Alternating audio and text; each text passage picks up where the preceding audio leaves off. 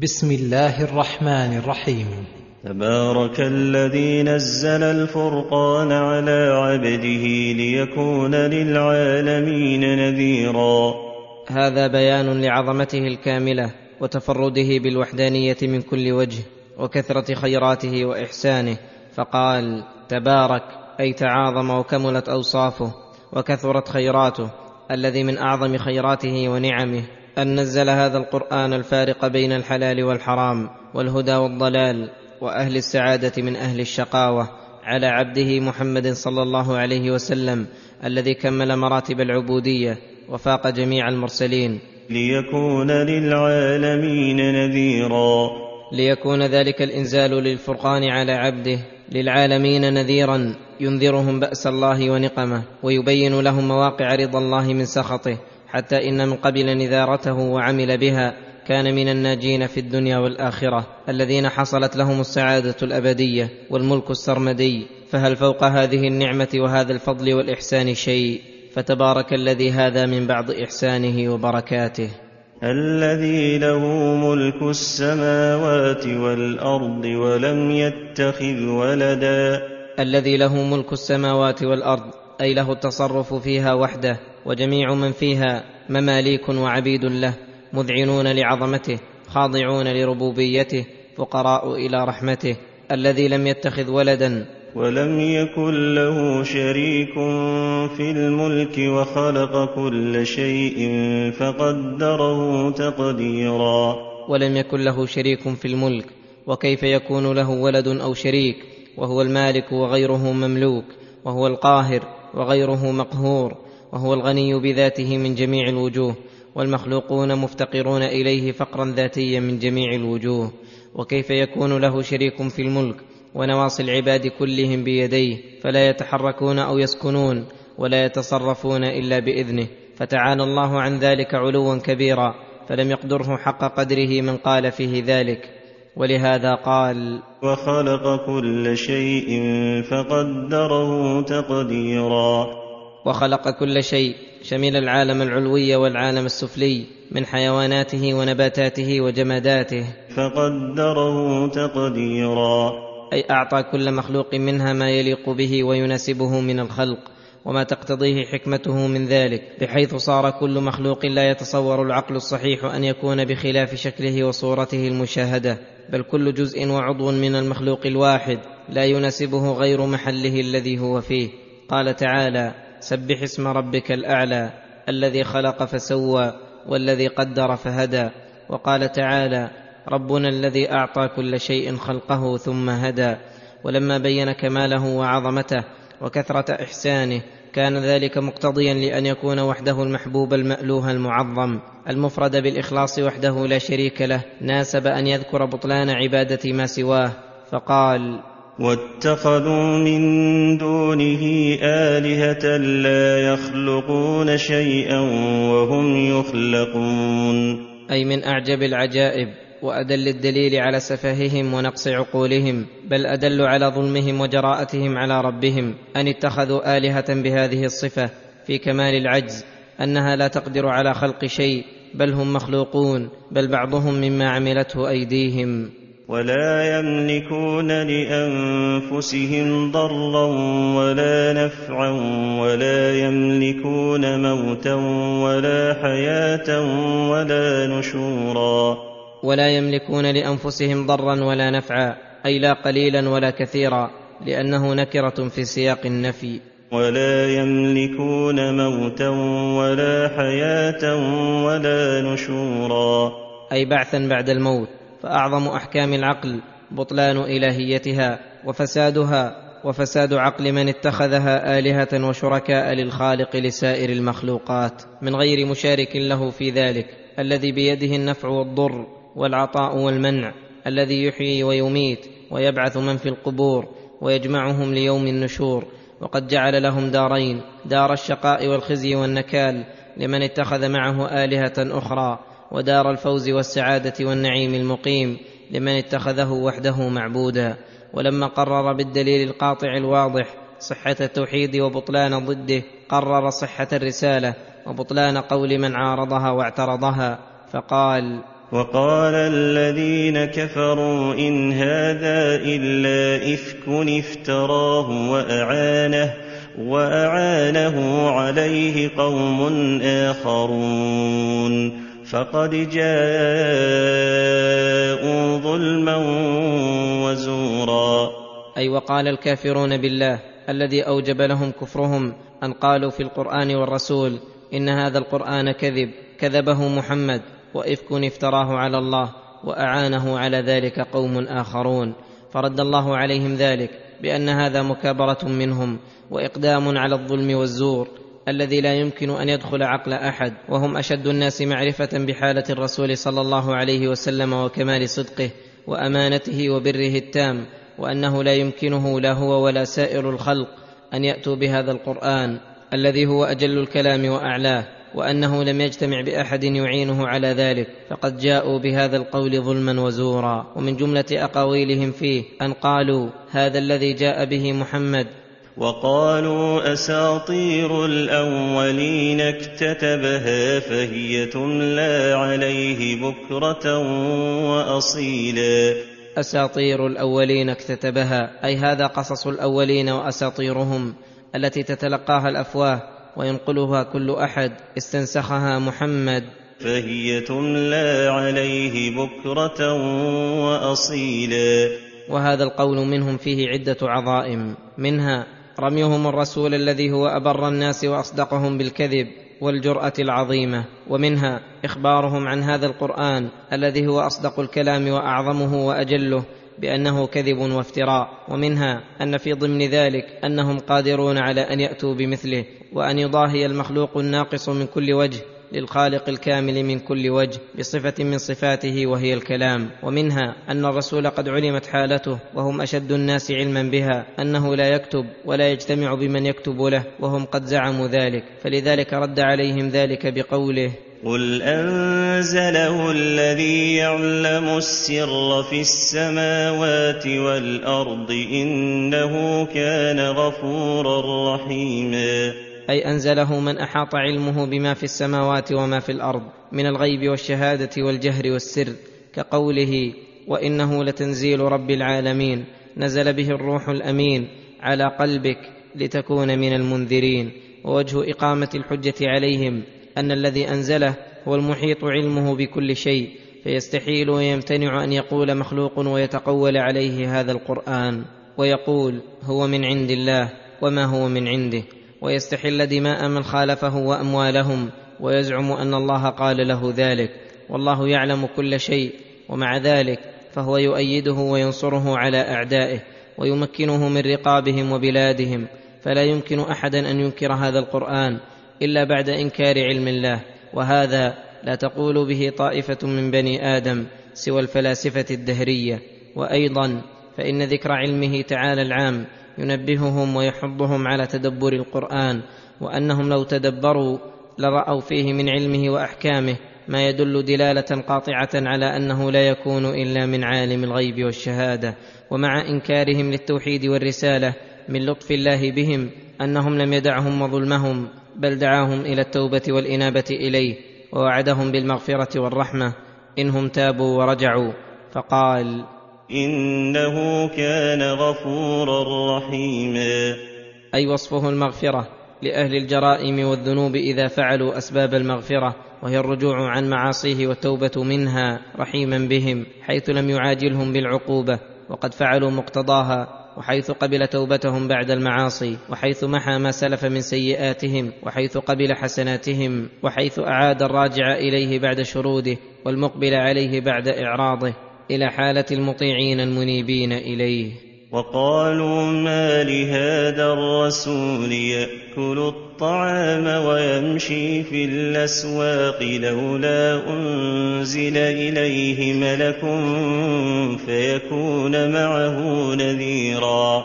هذا من مقالة المكذبين للرسول التي قدحوا بها في رسالته وهو أنهم اعترضوا بأنه هل كان ملكا أو ملكا أو يساعده ملك. فقالوا ما لهذا الرسول؟ أي ما لهذا الذي ادعى الرسالة؟ تهكما منهم واستهزاء يأكل الطعام وهذا من خصائص البشر فهل كان ملكا لا يأكل الطعام ولا يحتاج إلى ما يحتاج إليه البشر ويمشي في الأسواق للبيع والشراء وهذا بزعمهم لا يليق بمن يكون رسولا مع أن الله قال وما أرسلنا قبلك من المرسلين إلا إنهم ليأكلون الطعام ويمشون في الأسواق. لولا أنزل إليه ملك فيكون معه نذيرا. لولا أنزل إليه ملك أي هلا أنزل معه ملك يساعده ويعاونه؟ فيكون معه نذيرا. وبزعمهم أنه غير كاف للرسالة ولا بطوقه وقدرته القيام بها. أو يلقى إليه كنز أو تكون له جنة يأكل منها. أو يلقى إليه كنز أي مال مجموع من غير تعب أو تكون له جنة يأكل منها فيستغني بذلك عن مشيه في الأسواق لطلب الرزق. وقال الظالمون إن تتبعون إلا رجلا مسحورا. وقال الظالمون حملهم على القول ظلمهم لا اشتباه منهم. إن تتبعون إلا رجلا مسحورا. هذا وقد علموا كمال عقله وحسن حديثه وسلامته من جميع المطاعن ولما كانت هذه الأقوال منهم عجيبة جدا قال تعالى انظر كيف ضربوا لك الأمثال فضلوا فلا يستطيعون سبيلا. انظر كيف ضربوا لك الأمثال وهي أنه هلا كان ملكا وزالت عنه خصائص البشر أو معه ملك لأنه غير قادر على ما قال أو أنزل عليه كنز أو جعلت له جنة تغنيه عن المشي في الأسواق. أو أنه كان مسحورا. فضلوا فلا يستطيعون سبيلا. قالوا أقوالا متناقضة كلها جهل وضلال وسفه. ليس في شيء منها هداية بل ولا في شيء منها أدنى شبهة تقدح في الرسالة. فبمجرد النظر إليها وتصورها يجزم العاقل ببطلانها ويكفيه عن ردها. ولهذا أمر تعالى بالنظر إليها وتدبرها والنظر هل توجب التوقف عن الجزم للرسول بالرسالة والصدق؟ ولهذا أخبر أنه قادر على أن يعطيك خيرا كثيرا في الدنيا فقال تبارك الذي إن شاء جعل لك خيرا من ذلك جنات تجري جنات تجري من تحتها الأنهار ويجعل لك قصورا. جعل لك خيرا من ذلك أي خيرا مما قالوا ثم فسره بقوله جنات تجري من تحتها الأنهار ويجعل لك قصورا. مرتفعة مزخرفة فقدرته ومشيئته لا تقصر عن ذلك ولكنه تعالى.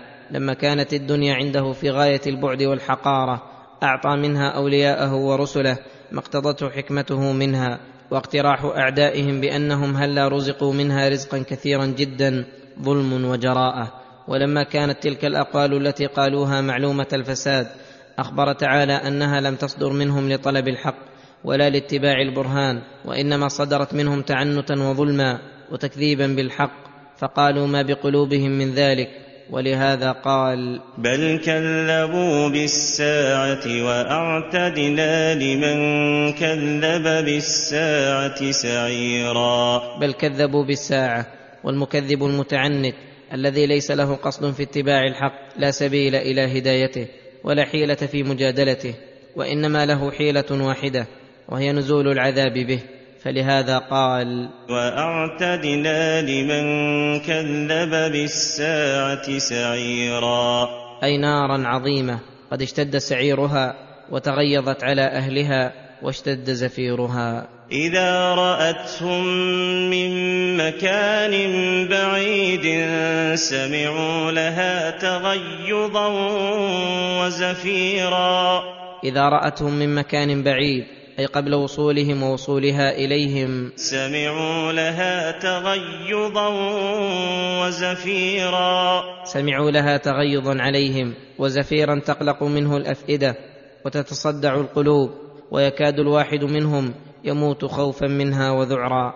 قد غضبت عليهم لغضب خالقها. وقد زاد لهبها لزيادة كفرهم وشرهم. وإذا ألقوا منها مكانا ضيقا مقرنين دعوا هنالك سبورا. أي عذابهم وهم في وسطها جمع في مكان بين ضيق المكان وتزاحم السكان وتقرينهم بالسلاسل والأغلال.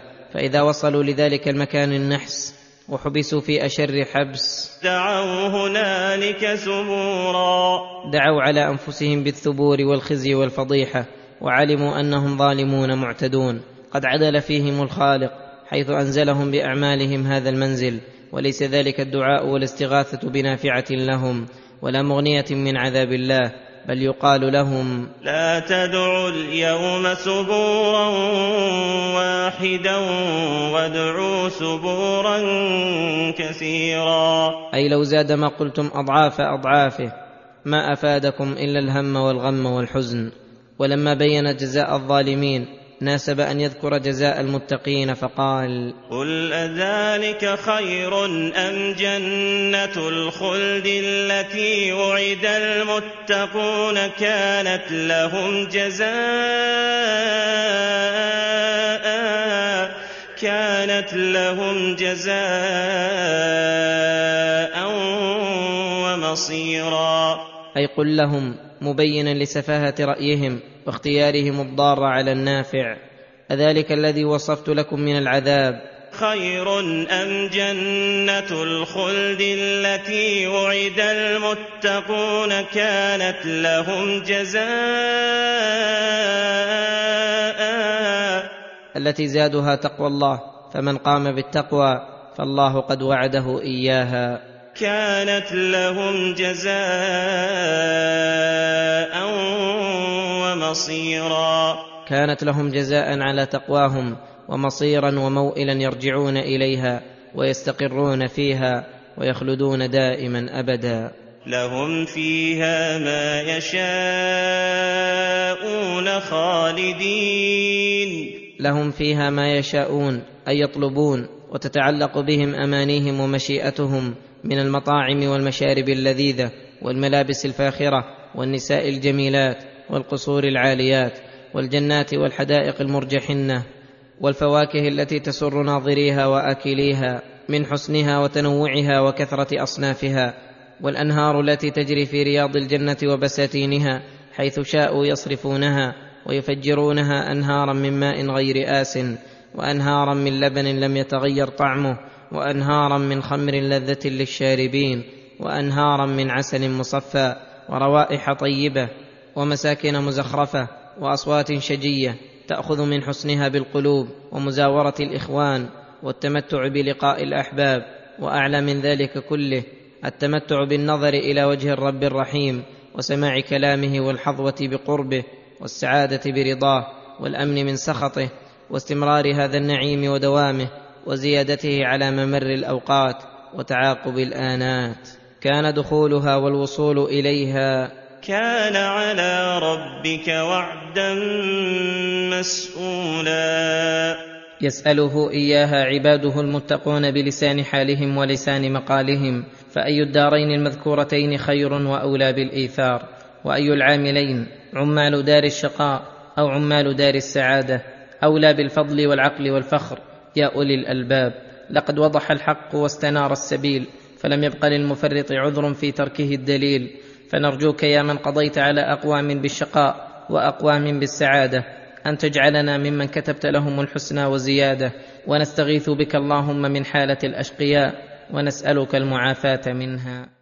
ويوم يحشرهم وما يعبدون من دون الله فيقول أأنتم أضللتم عبادي هؤلاء أم هم ضلوا السبيل؟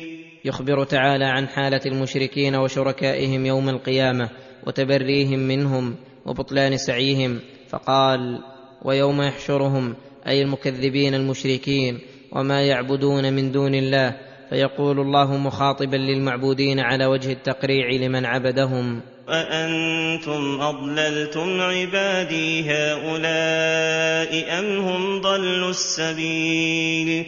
هل أمرتموهم بعبادتكم وزينتم لهم ذلك أم ذلك من تلقاء أنفسهم؟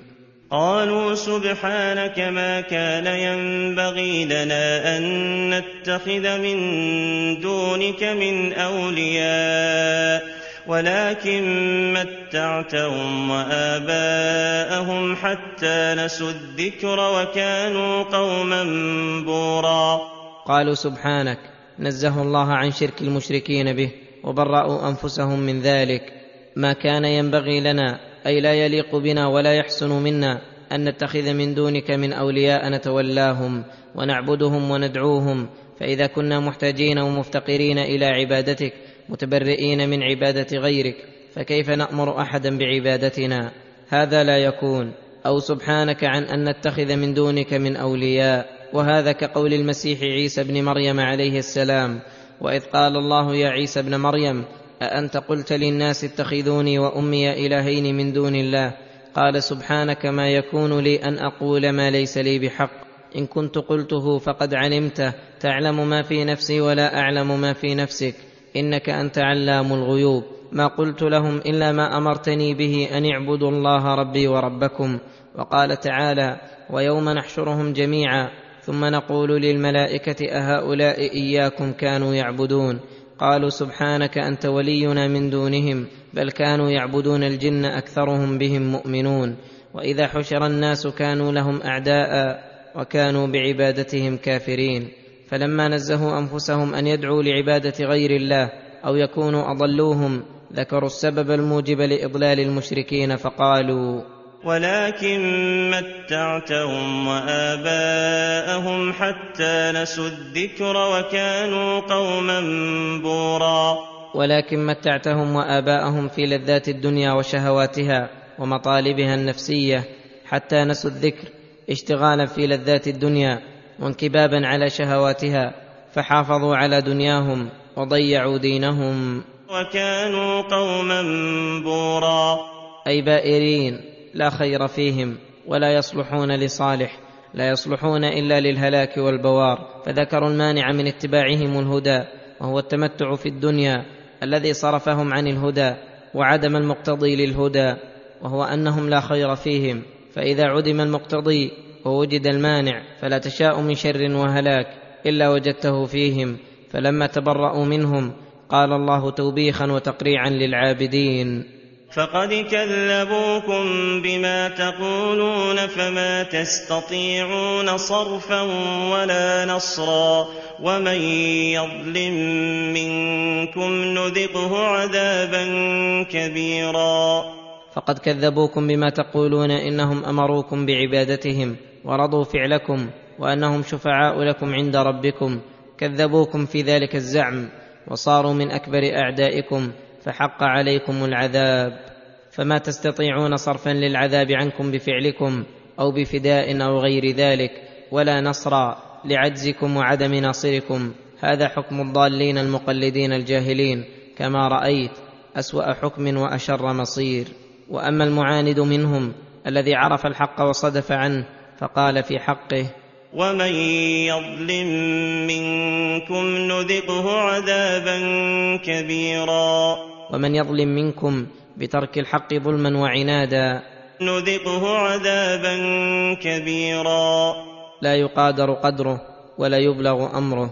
ثم قال تعالى جوابا لقول المكذبين ما لهذا الرسول يأكل الطعام ويمشي في الأسواق؟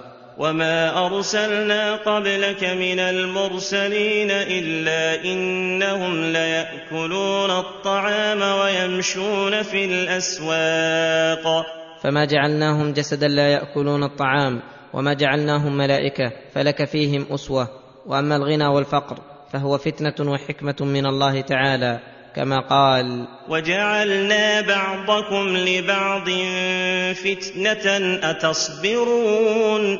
وجعلنا بعضكم لبعض فتنة الرسول فتنة للمرسل إليهم واختبار للمطيعين من العاصين والرسل فتناهم بدعوة الخلق والغني فتنة للفقير والفقير فتنة للغني وهكذا سائر أصناف الخلق في هذه الدار دار الفتن والابتلاء والاختبار والقصد من تلك الفتنة أتصبرون.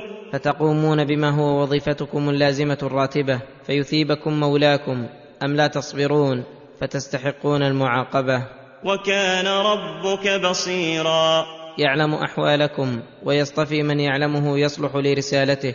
ويختصه بتفضيله ويعلم أعمالكم فيجازيكم عليها إن خيرا فخير وإن شرا فشر. وقال الذين لا يرجون لقاءنا لولا أنزل علينا الملائكة أو نرى ربنا لقد استكبروا في أنفسهم وعتوا عتوا كبيرا. أي قال المكذبون للرسول المكذبون بوعد الله ووعيده الذين ليس في قلوبهم خوف الوعيد ولا رجاء للقاء الخالق. لولا أنزل علينا الملائكة أو نرى ربنا. أي هل لا نزلت الملائكة تشهد لك بالرسالة وتؤيدك عليها أو تنزل رسلا مستقلين أو نرى ربنا فيكلمنا؟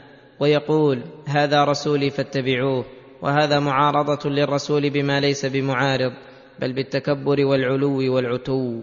لقد استكبروا في أنفسهم وعتوا عتوا كبيرا.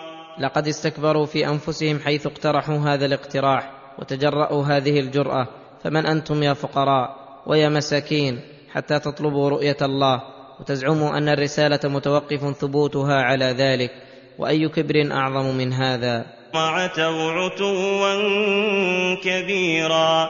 أي قسوا وصلبوا عن الحق قساوة عظيمة فقلوبهم أشد من الأحجار وأصلب من الحديد لا تلين للحق ولا تصغي للناصحين فلذلك لم ينجع فيهم وعظ ولا تذكير ولا اتبعوا الحق حين جاءهم النذير بل قابلوا أصدق الخلق وأنصحهم وآيات الله البينات بالإعراض والتكذيب والمعارضة فأي عتو أكبر من هذا العتو؟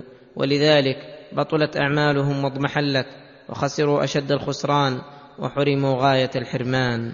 يوم يرون الملائكة لا بشرى يومئذ للمجرمين ويقولون حجرا محجورا. يوم يرون الملائكة التي اقترحوا نزولها لا بشرى يومئذ للمجرمين وذلك أنهم لا يرونها مع استمرارهم على جرمهم وعنادهم إلا لعقوبتهم وحلول البأس بهم فأول ذلك عند الموت. إذا تنزلت عليهم الملائكة قال الله تعالى ولو ترى إذ الظالمون في غمرات الموت والملائكة باسطوا أيديهم أخرجوا أنفسكم اليوم تجزون عذاب الهون بما كنتم تقولون على الله غير الحق وكنتم عن آياته تستكبرون. ثم في القبر حين يأتيهم منكر ونكير فيسألهم عن ربهم ونبيهم ودينهم فلا يجيبون جوابا ينجيهم فيحلون بهم النقمة وتزول عنهم بهم الرحمة. ثم يوم القيامة حين تسوقهم الملائكة إلى النار ثم يسلمونهم لخزنة جهنم الذين يتولون عذابهم ويباشرون عقابهم فهذا الذي اقترحوه وهذا الذي طلبوه إن استمروا على إجرامهم لا بد أن يروه ويلقوه وحينئذ يتعوذون من الملائكة ويفرون ولكن لا مفر لهم. ويقولون حجرا محجورا. يا معشر الجن والإنس إن استطعتم أن تنفذوا من أقطار السماوات والأرض فانفذوا لا تنفذون إلا بسلطان. وقدمنا إلى ما عملوا من عمل فجعلناه هباء منثورا. وقدمنا إلى ما عملوا من عمل أي أعمالهم التي رجوا أن تكون خيرا وتعبوا فيها. فجعلناه هباء منثورا. أي باطلا مضمحلا قد خسروه وحرموا أجره. وعوقبوا عليه وذلك لفقده الإيمان وصدوره عن مكذب لله ورسوله. فالعمل الذي يقبله الله ما صدر عن المؤمن المخلص المصدق للرسل المتبع لهم فيه. أصحاب الجنة يومئذ خير مستقرا وأحسن مقيلا. أي في ذلك اليوم الهائل كثير البلابل أصحاب الجنة الذين آمنوا بالله وعملوا صالحا واتقوا ربهم خير مستقرا من أهل النار. وأحسن مقيلا. أي مستقرهم في الجنة وراحتهم التي هي القيلولة هو المستقر النافع والراحة التامة لاشتمال ذلك على تمام النعيم الذي لا يشوبه كدر بخلاف أصحاب النار. فإن جهنم ساءت مستقرا ومقيلا وهذا من باب استعمال افعال التفضيل. فيما ليس في الطرف الآخر منه شيء لأنه لا خير في مقيل أهل النار ومستقرهم كقوله آه الله خير أما يشركون ويوم تشقق السماء بالغمام ويوم تشقق السماء بالغمام ونزل الملائكة تنزيلا.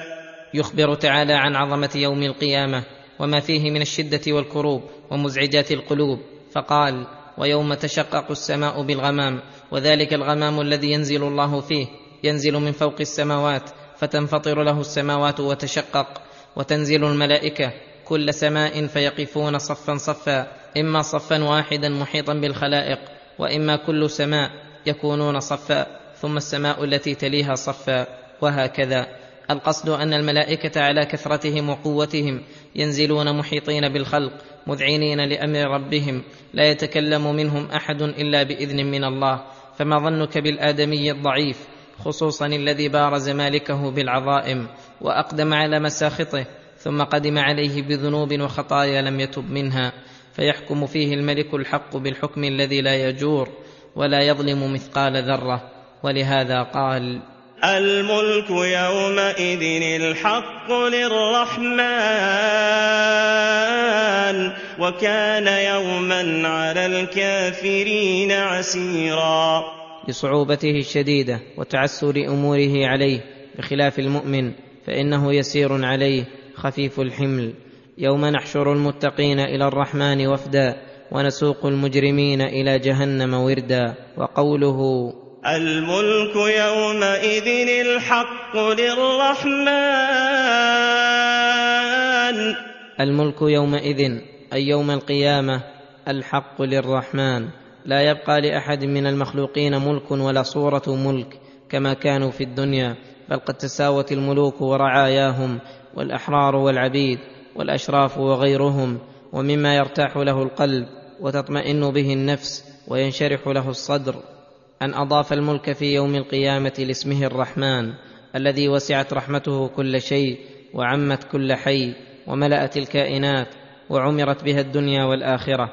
وتم بها كل ناقص وزال بها كل نقص وغلبت الأسماء الدالة عليه الأسماء الدالة على الغضب وسبقت رحمته غضبه وغلبته فلها السبق والغلبة وخلق هذا الآدمي الضعيف وشرفه وكرمه ليتم عليه نعمته وليتغمده برحمته وقد حضروا في موقف الذل والخضوع والاستكانة بين يديه ينتظرون ما يحكم فيهم وما يجري عليهم وهو أرحم بهم من أنفسهم ووالديهم فما ظنك بما يعاملهم به ولا يهلك على الله إلا هالك ولا يخرج من رحمته إلا من غلبت عليه الشقاوة وحقت عليه كلمة العذاب. ويوم يعض الظالم على يديه يقول يا ليتني يقول يا ليتني اتخذت مع الرسول سبيلا. ويوم يعض الظالم بشركه وكفره وتكذيبه للرسل على يديه تاسفا وتحسرا وحزنا واسفا. يقول يا ليتني اتخذت مع الرسول سبيلا. أي طريقا بالإيمان به وتصديقه واتباعه.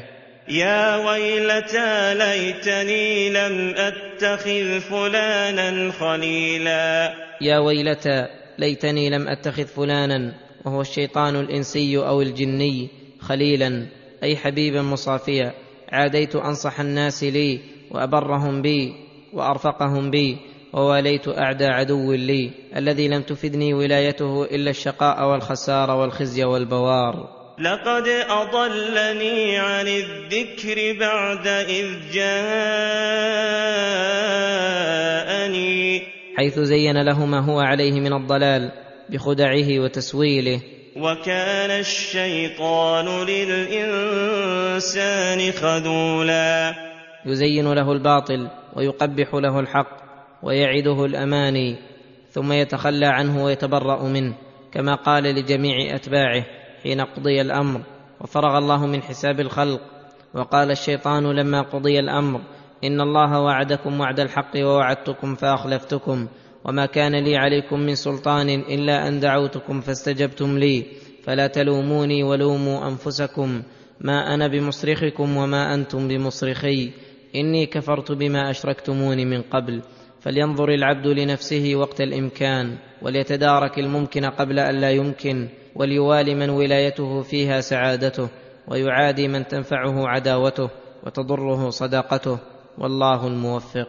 وقال الرسول يا رب إن قوم اتخذوا هذا القرآن مهجورا. وقال الرسول مناديا لربه وشاكيا عليه إعراض قومه عما جاء به ومتأسفا على ذلك منهم. يا رب إن قوم الذين أرسلتني لهدايتهم وتبليغهم اتخذوا هذا القرآن مهجورا. أي قد أعرضوا عنه وهجروه وتركوه مع أن الواجب عليهم الانقياد لحكمه والإقبال على أحكامه والمشي خلفه. قال الله مسليا لرسوله ومخبرا أن هؤلاء الخلق لهم سلف صنعوا كصنيعهم. فقال وكذلك جعلنا لكل نبي عدوا من المجرمين. وكفى بربك هاديا ونصيرا. أي من الذين لا يصلحون للخير ولا يزكون عليه يعارضونهم ويردون عليهم ويجادلونهم بالباطل. من بعض فوائد ذلك أن يعلو الحق على الباطل وأن يتبين الحق ويتضح اتضاحا عظيما لأن معارضة الباطل للحق مما تزيده وضوحا وبيانا وكمال استدلال وأن يتبين ما يفعل الله بأهل الحق من الكرامة وبأهل الباطل من العقوبة فلا تحزن عليهم ولا تذهب نفسك عليهم حسرات. وكفى بربك هاديا ونصيرا. وكفى بربك هاديا يهديك فيحصل لك المطلوب ومصالح دينك ودنياك ونصيرا ينصرك على أعدائك ويدفع عنك كل مكروه في أمر الدين والدنيا فاكتف به وتوكل عليه. وقال الذين كفروا لولا نزل عليه القرآن جملة واحدة. كذلك لنثبت به فؤادك ورتلناه ترتيلا. هذا من جملة مقترحات الكفار الذين توحيه إليهم أنفسهم فقالوا لولا نزل عليه القرآن جملة واحدة أي كما أنزلت الكتب قبله وأي محذور من نزوله على هذا الوجه فنزوله على هذا الوجه أكمل وأحسن. ولهذا قال كذلك لنثبت به فؤادك ورتلناه ترتيلا. كذلك أنزلناه متفرقا لنثبت به فؤادك لأنه كلما نزل عليه شيء من القرآن ازداد طمأنينة وثباتا وخصوصا عند ورود أسباب القلق فإن نزول القرآن عند حدوثه يكون له موقع عظيم وتثبيت كثير وأبلغ مما لو كان نازلا قبل ذلك ثم تذكره عند حلول سببه. ورتلناه ترتيلا. أي مهلناه ودرجناك فيه تدريجا وهذا كله يدل على اعتناء الله بكتابه القرآن وبرسوله محمد صلى الله عليه وسلم حيث جعل إنزال كتابه جاريا على أحوال الرسول ومصالحه الدينية. ولهذا قال ولا ياتونك بمثل الا جئناك بالحق واحسن تفسيرا ولا ياتونك بمثل يعارضون به الحق ويدفعون به رسالتك الا جئناك بالحق واحسن تفسيرا أي أنزلنا عليك قرآنا جامعا للحق في معانيه والوضوح والبيان التام في ألفاظه فمعانيه كلها حق وصدق. لا يشوبها باطل ولا شبهة بوجه من الوجوه وألفاظه وحدوده للأشياء أوضح ألفاظا وأحسن تفسيرا مبين للمعاني بيانا كاملا. وفي هذه الآية دليل على أنه ينبغي للمتكلم في العلم من محدث ومعلم وواعظ أن يقتدي بربه في تدبيره حال رسوله. كذلك العالم يدبر أمر الخلق فكلما حدث موجب أو حصل موسم أتى بما يناسب ذلك من الآيات القرآنية والأحاديث النبوية والمواعظ الموافقة لذلك وفيه رد على المتكلفين من الجهمية ونحوهم ممن يرى أن كثيرا من نصوص القرآن محمولة على غير ظاهرها ولها معان غير ما يفهم منها فاذا على قولهم لا يكون القرآن أحسن تفسيرا من غيره وإنما التفسير الأحسن على زعمهم تفسيرهم الذي حرفوا له المعاني تحريفا. الذين يحشرون على وجوههم إلى جهنم أولئك شر مكانا وأضل سبيلا. يخبر تعالى عن حال المشركين الذين كذبوا رسوله وسوء مآلهم وأنهم يحشرون على وجوههم أشنع مرأى وأفظع منظر تسحبهم ملائكة العذاب ويجرونهم إلى جهنم الجامعة لكل عذاب وعقوبة. أولئك شر مكانا وأضل سبيلا. أولئك الذين بهذه الحالة شر مكانا ممن آمن بالله وصدق رسله. وأضل سبيلا. وهذا من باب استعمال أفعال التفضيل فيما ليس في الطرف الآخر منه شيء. فإن المؤمنين حسن مكانهم ومستقرهم واهتدوا في الدنيا إلى الصراط المستقيم وفي الآخرة إلى الوصول إلى جنات النعيم. ولقد آتينا موسى الكتاب وجعلنا معه أخاه هارون وزيرا فقلنا اذهبا إلى القوم الذين كذبوا بآياتنا فدمرناهم تدميرا.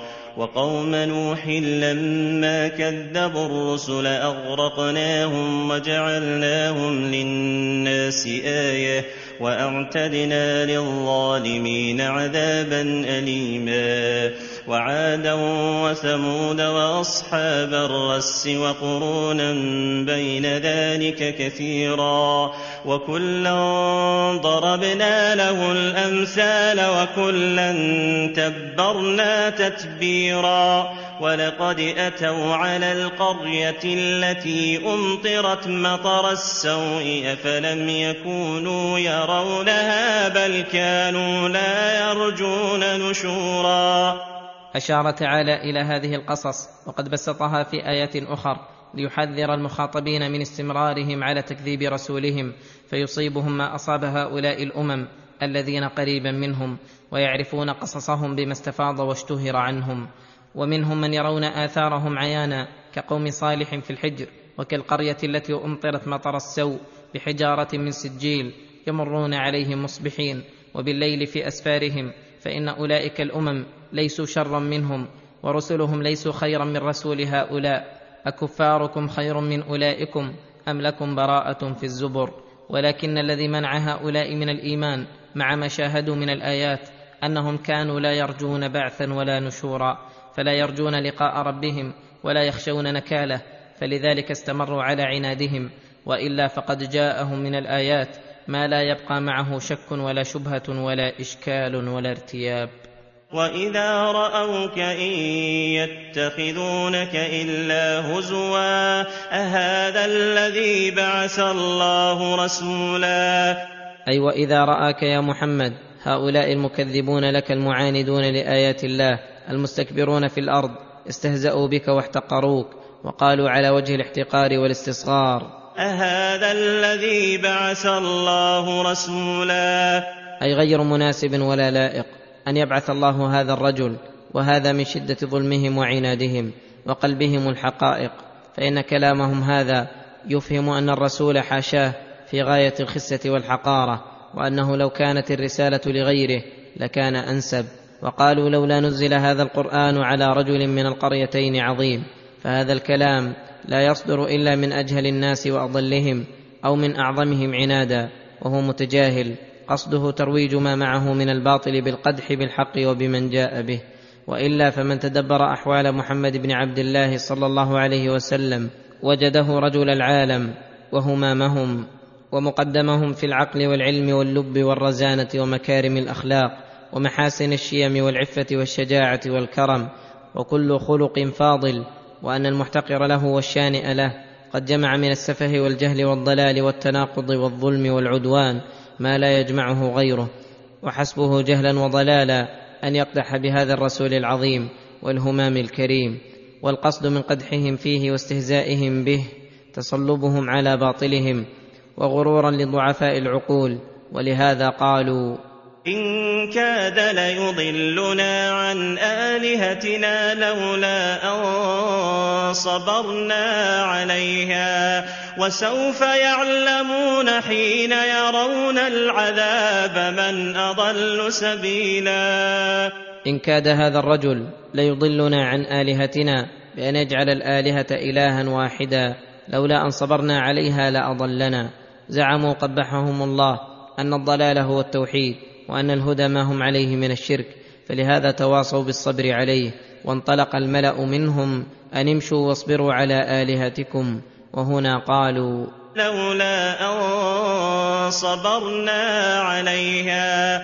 والصبر يحمد في المواضع كلها إلا في هذا الموضع فإنه صبر على أسباب الغضب وعلى الاستكثار من حطب جهنم وأما المؤمنون فهم كما قال الله عنهم وتواصوا بالحق وتواصوا بالصبر.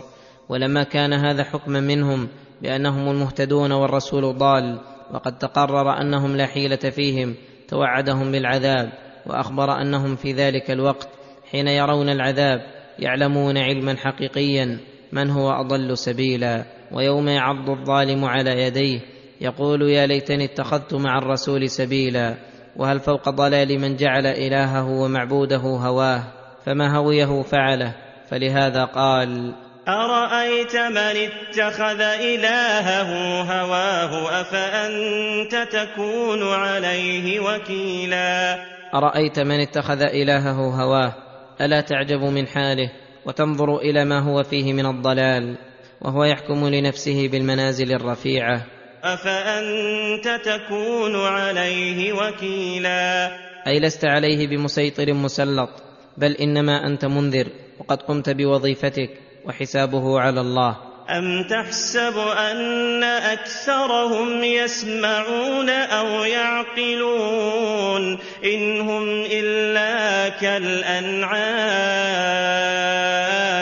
بل هم أضل سبيلا. ثم سجل تعالى على ضلالهم البليغ بأن سلبهم العقول والأسماع وشبههم في ضلالهم بالأنعام السائمة التي لا تسمع إلا دعاء ونداء صم بكم عمي فهم لا يعقلون بل هم أضل من الأنعام لأن الأنعام يهديها راعيها فتهتدي وتعرف طريق هلاكها فتجتنبه وهي أيضا أسلم عاقبة من هؤلاء. فتبين بهذا أن الرامي للرسول بالضلال أحق بهذا الوصف وأن كل حيوان بهيم فهو أهدى منه. ألم تر إلى ربك كيف مد الظل ولو شاء لجعله ساكنا ثم جعلنا الشمس عليه دليلا.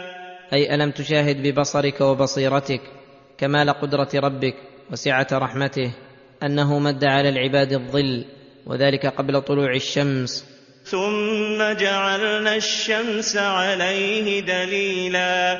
ثم جعلنا الشمس عليه أي على الظل دليلا. فلولا وجود الشمس لما عرف الظل فإن الضد يعرف بضده.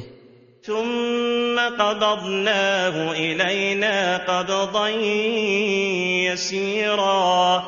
فكلما ارتفعت الشمس تقلص الظل شيئا فشيئا حتى يذهب بالكلية.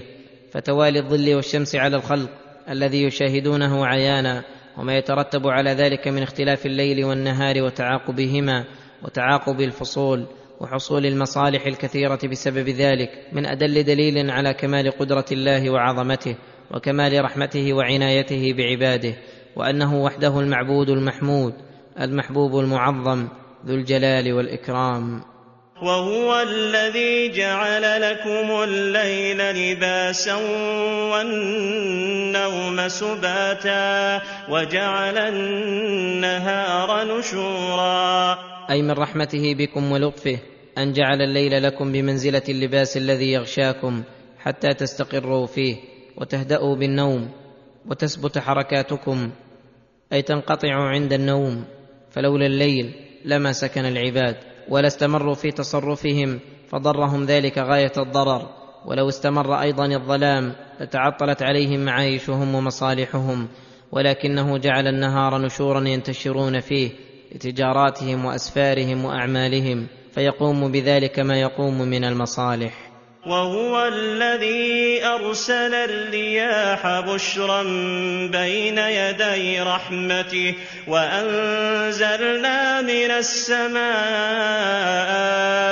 ماء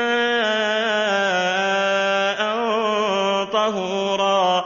أي هو وحده الذي رحم عباده وأدر عليهم رزقه بأن أرسل الرياح مبشرات بين يدي رحمته وهو المطر فثار بها السحاب وتألف. وصار كسفا وألقحته وأدرته بإذن آمرها والمتصرف فيها ليقع استبشار العباد بالمطر قبل نزوله وليستعدوا له قبل أن يفاجئهم دفعة واحدة. وأنزلنا من السماء ماء طهورا. يطهر من الحدث والخبث ويطهر من الغش والأدناس وفيه بركة من بركته. أنه أنزله ليحيي به بلدة ميتا فتختلف أصناف النوابت والأشجار فيها مما يأكل الناس والأنعام. لنحيي به بلدة ميتا ونسقيه مما خلقنا أنعاما وأناسيا كثيرا. أي نسقيكموه أنتم وأنعامكم. أليس الذي أرسل الرياح المبشرات وجعلها في عملها متنوعات وأنزل من السماء ماء طهورا مباركا فيه رزق العباد ورزق بهائمهم هو الذي يستحق أن يعبد وحده ولا يشرك معه غيره. ولقد صرفناه بينهم ليذكروا فأبى أكثر الناس إلا كفورا. ولما ذكر تعالى هذه الآيات العيانية المشاهدة وصرفها للعباد ليعرفوه ويشكروه ويذكروه ومع ذلك أبى أكثر الخلق إلا كفورا لفساد أخلاقهم وطبائعهم. ولو شئنا لبعثنا في كل قرية نذيرا. يخبر تعالى عن نفوذ مشيئته وأنه لو شاء لبعث في كل قرية نذيرا. أي رسولا ينذرهم ويحذرهم فمشيئته غير قاصرة عن ذلك. ولكن اقتضت حكمته ورحمته بك وبالعباد يا محمد. أن أرسلك إلى جميعهم أحمرهم وأسودهم عربيهم وعجميهم إنسهم وجنهم. فلا تطع الكافرين وجاهدهم به جهادا كبيرا. فلا تطع الكافرين في ترك شيء مما أرسلت به بل ابذل جهدك في تبليغ ما أرسلت به وجاهدهم بالقرآن جهادا كبيرا. أي لا تبقي من مجهودك في نصر الحق وقمع الباطل. إلا بذلته. ولو رأيت منهم من التكذيب والجراءة ما رأيت فابذل جهدك واستفرغ وسعك ولا تيأس من هدايتهم ولا تترك إبلاغهم لأهوائهم. وهو الذي مرج البحرين هذا عذب فرات وهذا ملح أجاج وجعل بينهما برزخا وحجرا محجورا. أي وهو وحده الذي مرج البحرين يلتقيان البحر العذب وهي الأنهار السارحة على وجه الأرض والبحر الملح وجعل منفعة كل واحد منهما مصلحة للعباد. وجعل بينهما برزخا وحجرا محجورا. وجعل بينهما برزخا أي حاجزا يحجز من اختلاط أحدهما بالآخر فتذهب المنفعة المقصودة منهما. وحجرا محجورا. أي حاجزا حصينا. وهو الذي خلق من الماء بشرا فجعله نسبا وصهرا. وكان ربك قديرا. أي وهو الله وحده لا شريك له الذي خلق الآدمي من ماء مهين ثم نشر منه ذرية كثيرة وجعلهم انسابا واصهارا. متفرقين ومجتمعين والمادة كلها من ذلك الماء المهين فهذا يدل على كمال اقتداره لقوله وكان ربك قديرا. ويدل على أن عبادته هي الحق وعبادة غيره باطلة لقوله ويعبدون من دون الله ما لا ينفعهم ولا يضرهم. وكان الكافر على ربه ظهيرا. اي يعبدون أصناما وأمواتا لا تضر ولا تنفع ويجعلونها أندادا لمالك النفع والضر والعطاء والمنع مع أن الواجب عليهم أن يكونوا مقتدين بإرشادات ربهم ذابين عن دينه ولكنهم عكسوا القضية. وكان الكافر على ربه ظهيرا. فالباطل الذي هو الأوثان والأنداد أعداء لله فالكافر عاونها وظاهرها على ربها وصار عدوا لربه مبارزا له في العداوة والحرب. هذا وهو الذي خلقه ورزقه وأنعم عليه بالنعم الظاهرة والباطنة. وليس يخرج عن ملكه وسلطانه وقبضته والله لم يقطع عنه إحسانه وبره وهو بجهله مستمر على هذه المعاداة والمبارزة. وما ارسلناك الا مبشرا ونذيرا. يخبر تعالى انه ما ارسل رسوله محمدا صلى الله عليه وسلم مسيطرا على الخلق ولا جعله ملكا ولا عنده خزائن الاشياء وانما ارسله مبشرا. يبشر من اطاع الله بالثواب العاجل والاجل ونذيرا ينذر من عصى الله بالعقاب العاجل والاجل. وذلك مستلزم لتبيين ما به البشاره. وما تحصل به النذارة من الأوامر والنواهي. قل ما اسالكم عليه من اجر الا من شاء ان يتخذ إلى ربه سبيلا.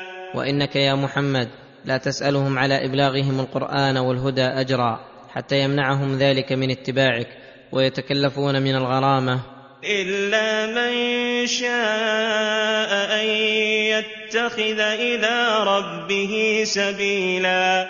أي إلا من شاء أن ينفق نفقة في مرضاة ربه وسبيله فهذا وإن رغبتكم فيه فلست أجبركم عليه وليس أيضا اجرا لي عليكم وإنما هو راجع لمصلحتكم وسلوككم للسبيل الموصلة إلى ربكم ثم أمره أن يتوكل عليه ويستعين به فقال وتوكل على الحي الذي لا يموت وسبح بحمده وكفى به بذنوب عباده خبيرا.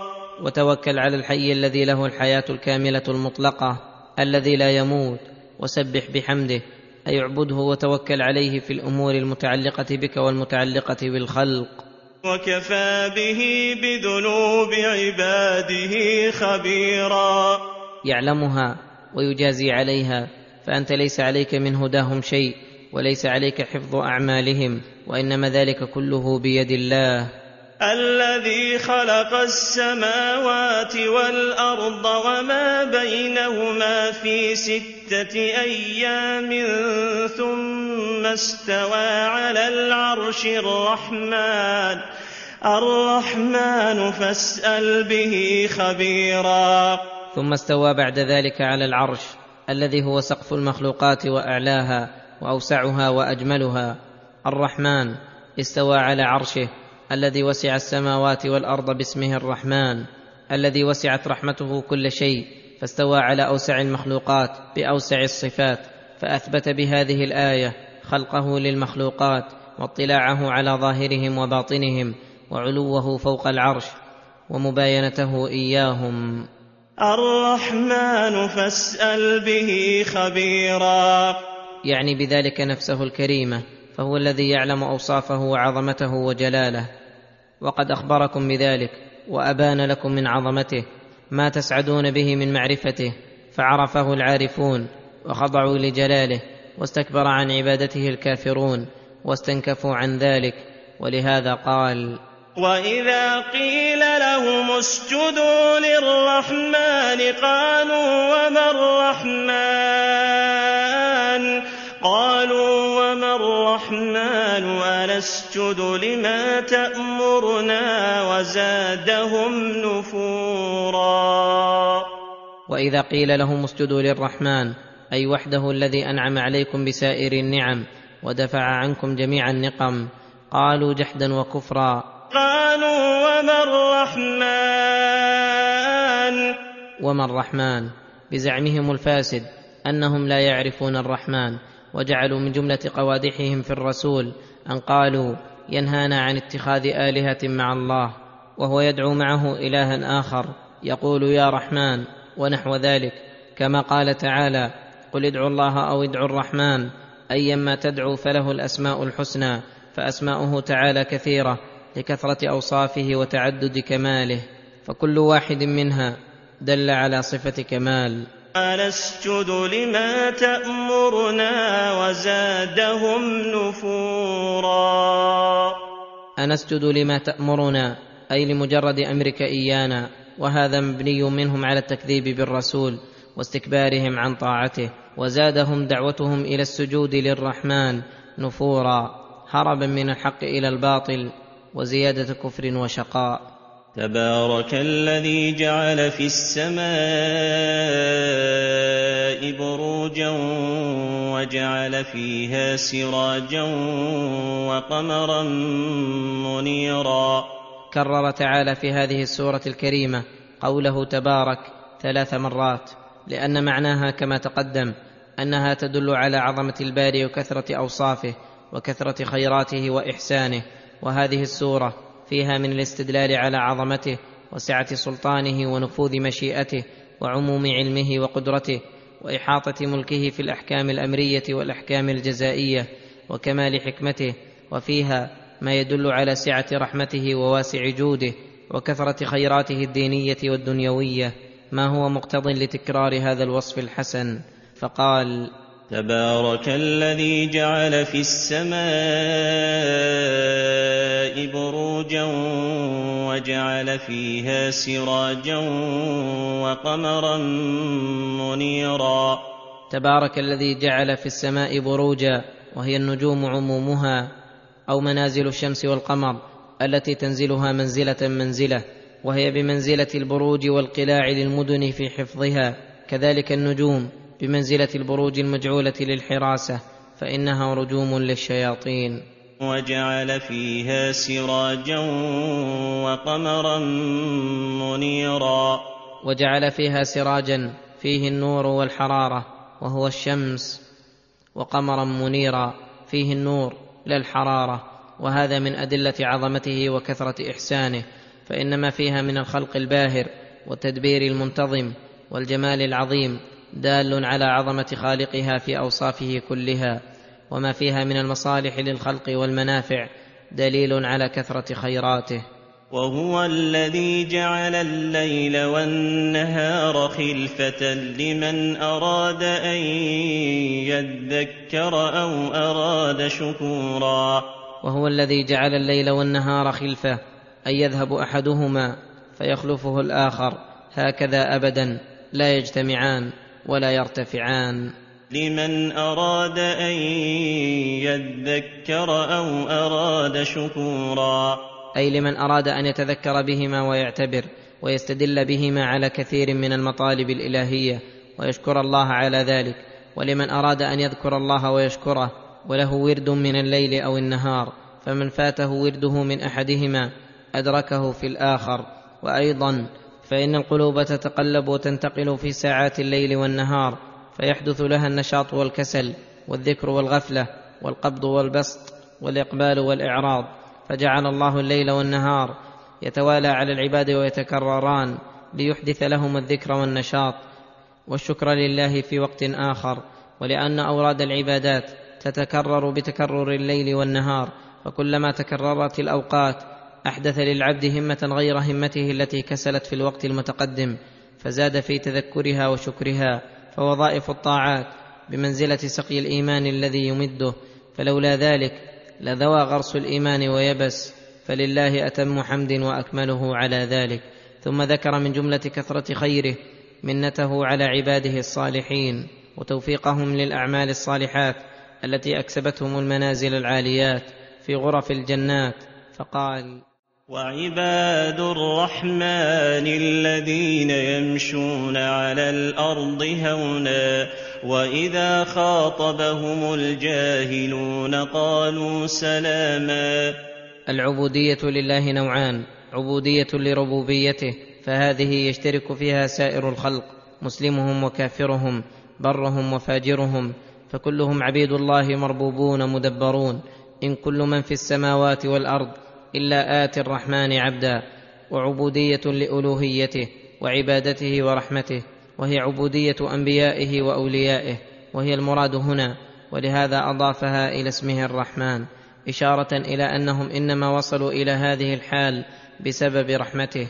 فذكر أن صفاتهم أكمل الصفات ونعوتهم أفضل النعوت فوصفهم بأنهم يمشون على الأرض هونا أي ساكنين متواضعين لله وللخلق. فهذا وصف لهم بالوقار والسكينة والتواضع لله ولعباده. واذا خاطبهم الجاهلون قالوا سلاما. واذا خاطبهم الجاهلون أي خطاب جهل بدليل إضافة الفعل وإسناده لهذا الوصف قالوا سلاما أي خاطبوهم خطابا يسلمون فيه من الإثم ويسلمون من مقابلة الجاهل بجهله وهذا مدح لهم بالحلم الكثير. ومقابلة المسيء بالإحسان والعفو عن الجاهل ورزانة العقل الذي أوصلهم إلى هذه الحال. والذين يبيتون لربهم سجدا وقياما. أي يكثرون من صلاة الليل مخلصين فيها لربهم متذللين له كما قال تعالى تتجافى جنوبهم عن المضاجع يدعون ربهم خوفا وطمعا ومما رزقناهم ينفقون. فلا تعلم نفس ما أخفي لهم من قرة أعين جزاء بما كانوا يعملون. والذين يقولون ربنا اصرف عنا عذاب جهنم. أي ادفعه عنا بالعصمة من أسبابه ومغفرة ما وقع منا مما هو مقتض للعذاب. إن عذابها كان غراما. أي ملازما لأهلها بمنزلة ملازمة الغريم لغريمه. إنها ساءت مستقرا ومقاما. وهذا منهم على وجه التضرع لربهم وبيان شدة حاجتهم إليه وأنهم ليس في طاقتهم احتمال هذا العذاب وليتذكروا منة الله عليهم فإن صرف الشدة بحسب شدتها وفظاعتها يعظم وقعها ويشتد الفرح بصرفها. والذين إذا أنفقوا لم يسرفوا ولم يقتروا وكان بين ذلك قواما. والذين إذا أنفقوا النفقات الواجبة والمستحبة لم يسرفوا بأن يزيدوا على الحد فيدخلوا في قسم التبذير وإهمال الحقوق الواجبة ولم يقتروا فيدخلوا في باب البخل والشح وكان إنفاقهم بين ذلك بين الإسراف والتقتير قواما يبذلون في الواجبات من الزكوات والكفارات والنفقات الواجبة وفيما ينبغي على الوجه الذي ينبغي من غير ضرر ولا ضرار وهذا من عدلهم واقتصادهم. والذين لا يدعون مع الله إلها آخر ولا يقتلون النفس التي حرم الله إلا بالحق ولا يزنون ومن يفعل ذلك يلقى أثاما يضاعف له العذاب يوم القيامة ويخلد فيه مهانا والذين لا يدعون مع الله إلها آخر بل يعبدونه وحده مخلصين له الدين حنفاء مقبلين عليه معرضين عما سواه. ولا يقتلون النفس التي حرم الله إلا بالحق ولا يزنون. ولا يقتلون النفس التي حرم الله وهي نفس المسلم والكافر المعاهد إلا بالحق كقتل النفس بالنفس وقتل الزاني المحصن. والكافر الذي يحل قتله. ولا يزنون. بل يحفظون فروجهم إلا على أزواجهم أو ما ملكت أيمانهم. ومن يفعل ذلك يلقى اثاما يضاعف له العذاب يوم القيامة ويخلد فيه مهانا. ومن يفعل ذلك أي الشرك بالله أو قتل النفس التي حرم الله بغير حق أو الزنا فسوف يلقى أثاما ثم فسره بقوله يضاعف له العذاب يوم القيامة ويخلد فيه مهانا. ويخلد فيه أي في العذاب مهانا. فالوعيد بالخلود لمن فعلها كلها ثابت لا شك فيه.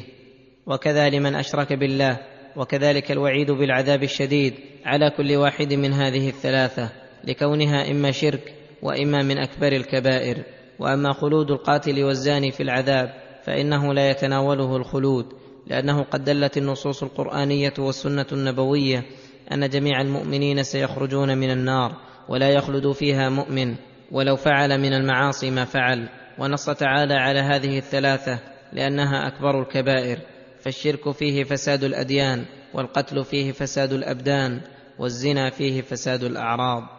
إلا من تاب وآمن وعمل عملا صالحا فأولئك يبدل الله سيئاتهم حسنات وكان الله غفورا رحيما. إلا من تاب عن هذه المعاصي وغيرها بأن أقلع عنها في الحال وندم على ما مضى له من فعلها وعزم عزما جازما الا يعود وآمن بالله إيمانا صحيحا يقتضي ترك المعاصي وفعل الطاعات وعمل عملا صالحا مما أمر به الشارع إذا قصد به وجه الله. فأولئك يبدل الله سيئاتهم حسنات. أي تتبدل أفعالهم وأقوالهم التي كانت مستعدة لعمل السيئات تتبدل حسنات فيتبدل شركهم إيمانا. ومعصيتهم طاعة وتتبدل نفس السيئات التي عملوها ثم أحدثوا عن كل ذنب منها توبة وإنابة وطاعة تبدل حسنات كما هو ظاهر الآية. وورد في ذلك حديث الرجل الذي حاسبه الله ببعض ذنوبه فعددها عليه ثم أبدل مكان كل سيئة حسنة فقال يا رب إن لي سيئات لا أراها ها هنا والله أعلم. وكان الله غفورا رحيما. وكان الله غفورا لمن تاب يغفر الذنوب العظيمة رحيما بعباده حيث دعاهم إلى التوبة بعد مبارزته بالعظائم ثم وفقهم لها ثم قبلها منهم. ومن تاب وعمل صالحا فإنه يتوب إلى الله متابا. أي فليعلم أن توبته في غاية الكمال لأنها رجوع إلى الطريق الموصل إلى الله الذي هو عين سعادة العبد وفلاحه فليخلص فيها وليخلصها من شوائب الأغراض الفاسدة. فالمقصود من هذا الحث على تكميل التوبة وإيقاعها على أفضل الوجوه وأجلها ليقدم على من تاب إليه فيوفيه أجره بحسب كمالها. والذين لا يشهدون الزور واذا مروا باللغو مروا كراما والذين لا يشهدون الزور أي لا يحضرون الزور أي القول والفعل المحرم فيجتنبون جميع المجالس المشتملة على الأقوال المحرمة أو الأفعال المحرمة كالخوض في آيات الله والجدال الباطل والغيبة والنميمة والسب والقذف والاستهزاء والغناء المحرم. وشرب الخمر وفرش الحرير والصور ونحو ذلك وإذا كانوا لا يشهدون الزور فمن باب أولى وأحرى ألا يقولوه ويفعلوه. وشهادة الزور داخلة في قول الزور تدخل في هذه الآية بالأولوية. وإذا مروا باللغو مروا كراما. وإذا مروا باللغو وهو الكلام الذي لا خير فيه ولا فيه فائدة دينية ولا دنيوية ككلام السفهاء ونحوهم. مروا كراما. اي نزهوا أنفسهم وأكرموها عن الخوض فيه ورأوا الخوض فيها وإن كان لا إثم فيه فإنه سفه ونقص للإنسانية والمروءة فربأوا بأنفسهم عنه.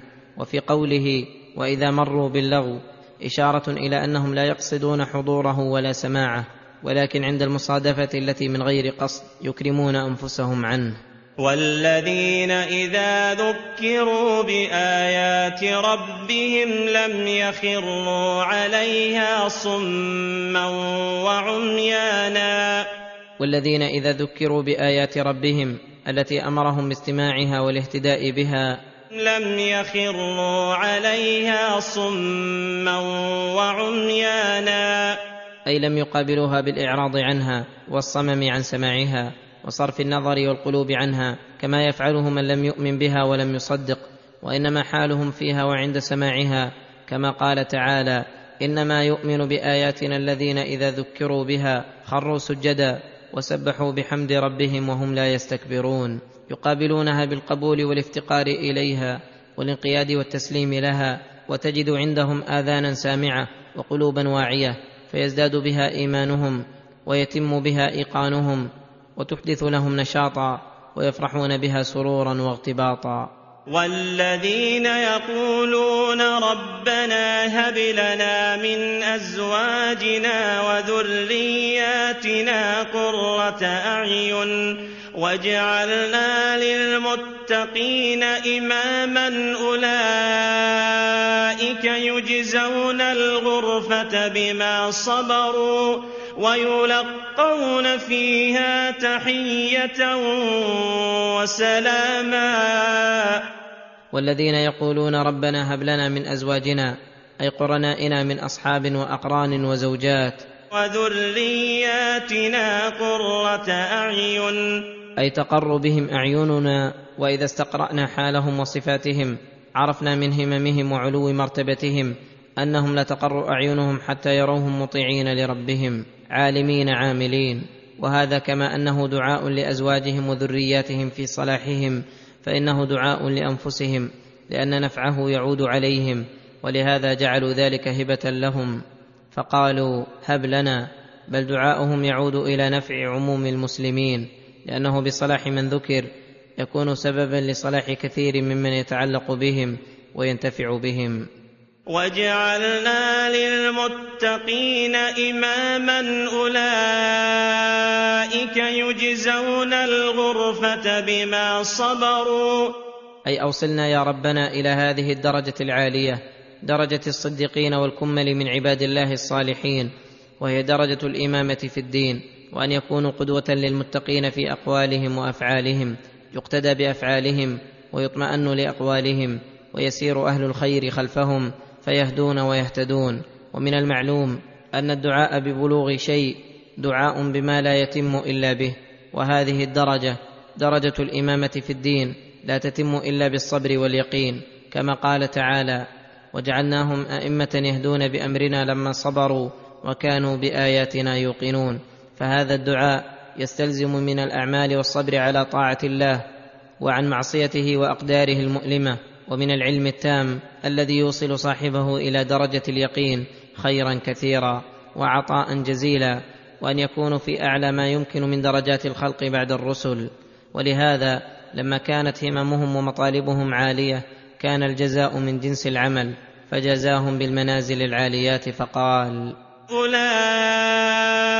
يجزون الغرفة بما صبروا. أي المنازل الرفيعة والمساكن الأنيقة الجامعة لكل ما يشتهى وتلذه الأعين وذلك بسبب صبرهم. نالوا ما نالوا كما قال تعالى والملائكة يدخلون عليهم من كل باب. سلام عليكم بما صبرتم فنعم عقبى الدار. ولهذا قال هنا ويلقون فيها تحية وسلاما خالدين فيها. من ربهم ومن ملائكته الكرام ومن بعض على بعض ويسلمون من جميع المنغصات والمكدرات. خالدين فيها حسنت مستقرا ومقاما. والحاصل أن الله وصفهم بالوقار والسكينة والتواضع له ولعباده وحسن الأدب والحلم وسعة الخلق والعفو عن الجاهلين والإعراض عنهم ومقابلة إساءتهم بالإحسان. وقيام الليل والإخلاص فيه والخوف من النار والتضرع لربهم أن ينجيهم منها وإخراج الواجب والمستحب في النفقات والاقتصاد في ذلك. وإذا كانوا مقتصدين في الإنفاق الذي جرت العادة بالتفريط فيه أو الإفراط فاقتصادهم وتوسطهم في غيره من باب أولى والسلامة من كبائر الذنوب والاتصاف بالإخلاص لله في عبادته والعفة عن الدماء والأعراض والتوبة عند صدور شيء من ذلك. وأنهم لا يحضرون مجالس المنكر والفسوق القولية والفعلية ولا يفعلونها بأنفسهم وأنهم يتنزهون من اللغو والأفعال الردية التي لا خير فيها وذلك يستلزم مروءتهم وإنسانيتهم وكمالهم ورفعة أنفسهم عن كل خسيس قولي وفعلي وأنهم يقابلون آيات الله بالقبول لها والتفهم لمعانيها والعمل بها والاجتهاد في تنفيذ أحكامها وأنهم يدعون الله تعالى بأكمل الدعاء في الدعاء الذي ينتفعون به وينتفع به من يتعلق بهم وينتفع به المسلمون من صلاح أزواجهم وذريتهم ومن لوازم ذلك سعيهم في تعليمهم ووعظهم ونصحهم. لأن من حرص على شيء ودعا الله فيه لا بد أن يكون متسببا فيه وأنهم دعوا الله ببلوغ أعلى الدرجات الممكنة لهم وهي درجة الإمامة والصديقية. فلله ما أعلى هذه الصفات وأرفع هذه الهمم. وأجل هذه المطالب وأزكى تلك النفوس وأطهر تلك القلوب وأصفى هؤلاء الصفوة وأتقى هؤلاء السادة. ولله فضل الله عليهم ونعمته ورحمته التي جللتهم ولطفه الذي أوصلهم إلى هذه المنازل. ولله منة الله على عباده أن بين لهم أوصافهم ونعت لهم هيئاتهم وبين لهم هممهم وأوضح لهم أجورهم ليشتاقوا إلى الاتصاف بأوصافهم. ويبذلوا جهدهم في ذلك ويسأل الذي من عليهم وأكرمهم الذي فضله في كل زمان ومكان وفي كل وقت وأوان أن يهديهم كما هداهم ويتولاهم بتربيته الخاصة كما تولاهم. فاللهم لك الحمد وإليك المشتكى وأنت المستعان وبك المستغاث ولا حول ولا قوة إلا بك. لا نملك لأنفسنا نفعا ولا ضرا ولا نقدر على مثقال ذرة من الخير إن لم تيسر ذلك لنا. فإنا ضعفاء عاجزون من كل وجه. نشهد أنك إن وكلتنا إلى أنفسنا طرفة عين وكلتنا إلى ضعف وعجز وخطيئة فلا نثق يا ربنا إلا برحمتك التي بها خلقتنا ورزقتنا وأنعمت علينا بما أنعمت من النعم الظاهرة والباطنة. وصرفت عنا من النقم فارحمنا رحمة تغنينا بها عن رحمة من سواك فلا خاب من سألك ورجاك. ولما كان الله تعالى قد أضاف هؤلاء العباد إلى رحمته واختصهم بعبوديته لشرفهم وفضلهم ربما توهم متوهم أنه وأيضا غيرهم فلم لا يدخل في العبودية؟ فأخبر تعالى أنه لا يبالي ولا يعبأ بغير هؤلاء وأنه لولا دعاؤكم إياه دعاء العبادة ودعاء المسألة ما عبأ بكم ولا أحبكم. فقال قل ما يعبا بكم ربي لولا دعاؤكم فقد كذبتم فسوف يكون لزاما. أي عذابا يلزمكم لزوم الغريم لغريمه وسوف يحكم الله بينكم وبين عباده المؤمنين.